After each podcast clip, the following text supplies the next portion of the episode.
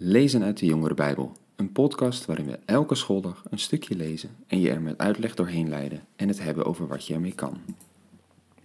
Dag jongens en meiden, goed dat je weer luistert naar een nieuwe aflevering van de podcast.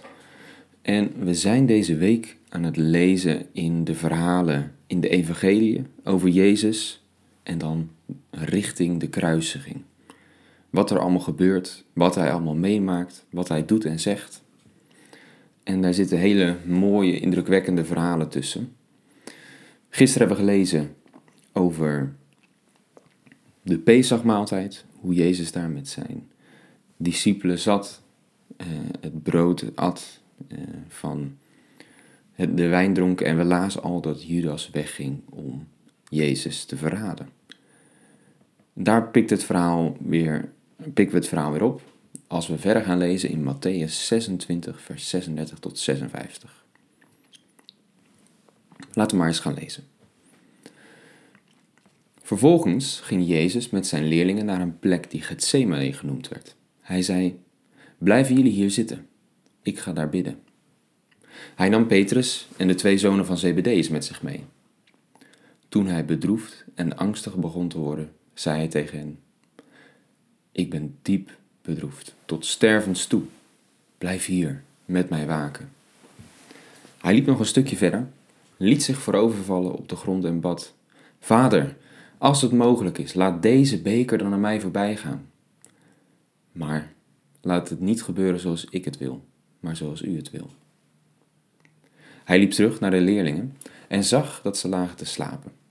Hij zei tegen Petrus: Konden jullie niet eens één uur met mij waken? Blijf wakker en bid dat jullie niet in beproeving komen. De geest is wel gewillig, maar het lichaam is zwak. Voor de tweede maal liep hij bij hen vandaan en bad. Vader, als het niet mogelijk is dat deze beker aan mij voorbij gaat zonder dat ik eruit drink, laat het dan gebeuren, zoals u het wil. En toen hij terugkwam, zag hij dat ze weer sliepen, want ze waren door vermoeidheid overmand. Hij liet hen achter liep opnieuw wat verder en bad voor de derde maal, met dezelfde woorden als daarvoor. Daarna voegde hij zich weer bij de leerling en zei: Liggen jullie daar nog steeds te slapen en te rusten? Het ogenblik is nabij, waarop de mensenzoon wordt uitgeleverd aan zondaars. Sta op, laten we gaan. Kijk, hij die mij uitlevert is al vlakbij.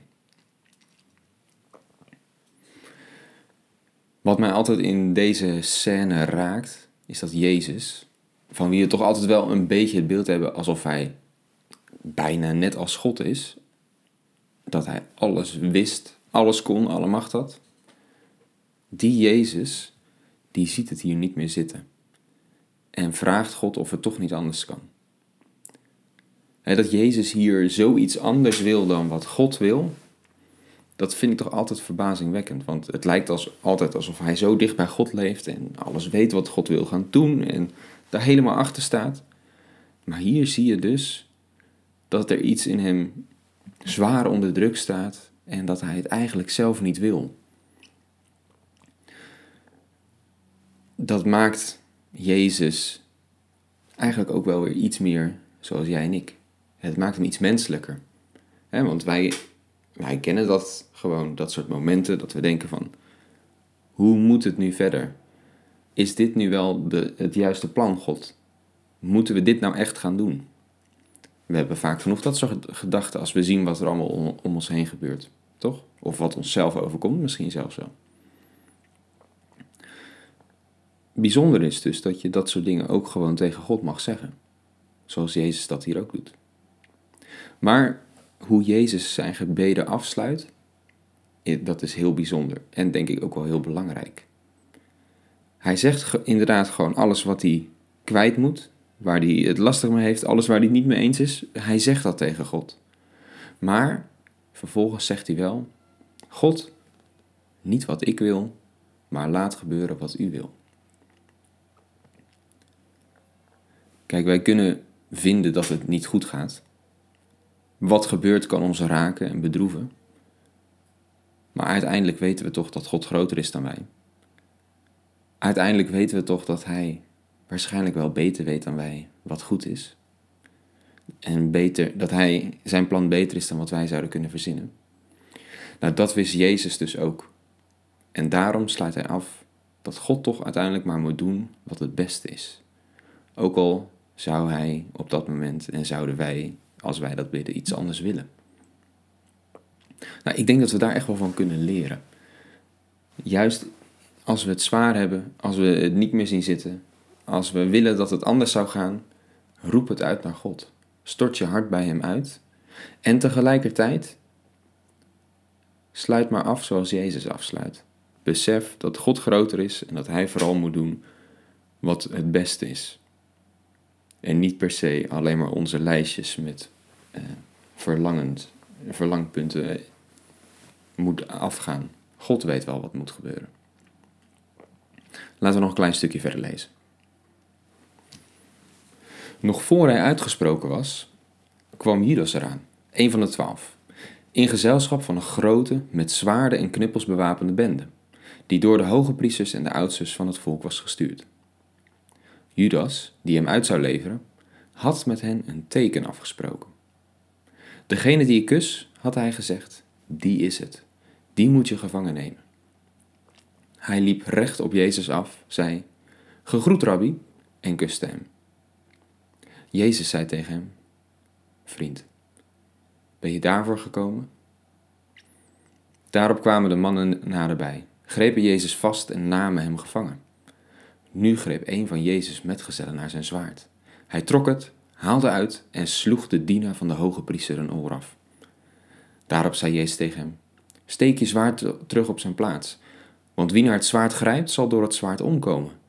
Je weet toch dat ik mijn vader maar om hulp hoef te vragen, of hij stelt mij onmiddellijk meer dan twaalf legioenen engelen ter beschikking. Maar hoe zouden dan de schriften in vervulling gaan? Waar staat dat het zo moet gebeuren? Toen zei Jezus tegen de mannen: U bent er met zwaarden en knuppels op uitgetrokken om mij te arresteren, alsof ik een misdadiger ben. Dagelijks was ik in de tempel om onderricht te geven, en toen hebt u me niet gevangen genomen. Maar dit alles gebeurt omdat de geschriften van de profeten in vervulling moeten gaan. Daarop lieten alle leerlingen hem in de steek en vluchtten weg. En je leest steeds weer dat, en dit gebeurde zodat vervuld werd wat de geschriften al lang voorzegd hadden. Allemaal van dat soort zinnen die steeds maar weer laten zien dat alles wat er gebeurt op die dag, allemaal al van tevoren voorzegd was door de profeten. ik blijf dat toch bijzonder vinden, want die profeten die hebben echt honderden jaren voordat Jezus rondliep hun dingen opgeschreven. Zij konden het echt niet weten anders dan dat ze het van God hadden gekregen. En Jezus, die wist al die profetieën, die loopt hier rond en die weet gewoon dat het moet gebeuren. Die weet gewoon hoe het gaat gebeuren, want het staat allemaal al in de profeten. En hij wist dat. Nou, dat is iets bijzonders. Dat zegt iets bijzonders over Jezus, maar ik vind het eigenlijk ook altijd wel een bewijs van hoe betrouwbaar de Bijbel eigenlijk is. Want daarin stonden dus echt al honderden jaren voordat alles gebeurt, voorzeggingen over Jezus die stuk voor stuk zijn uitgekomen.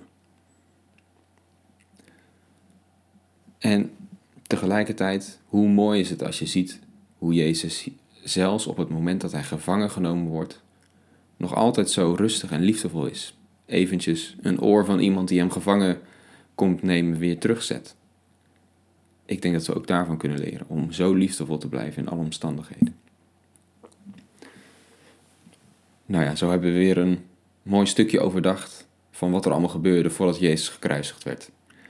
Morgen gaan we verder. Tot dan.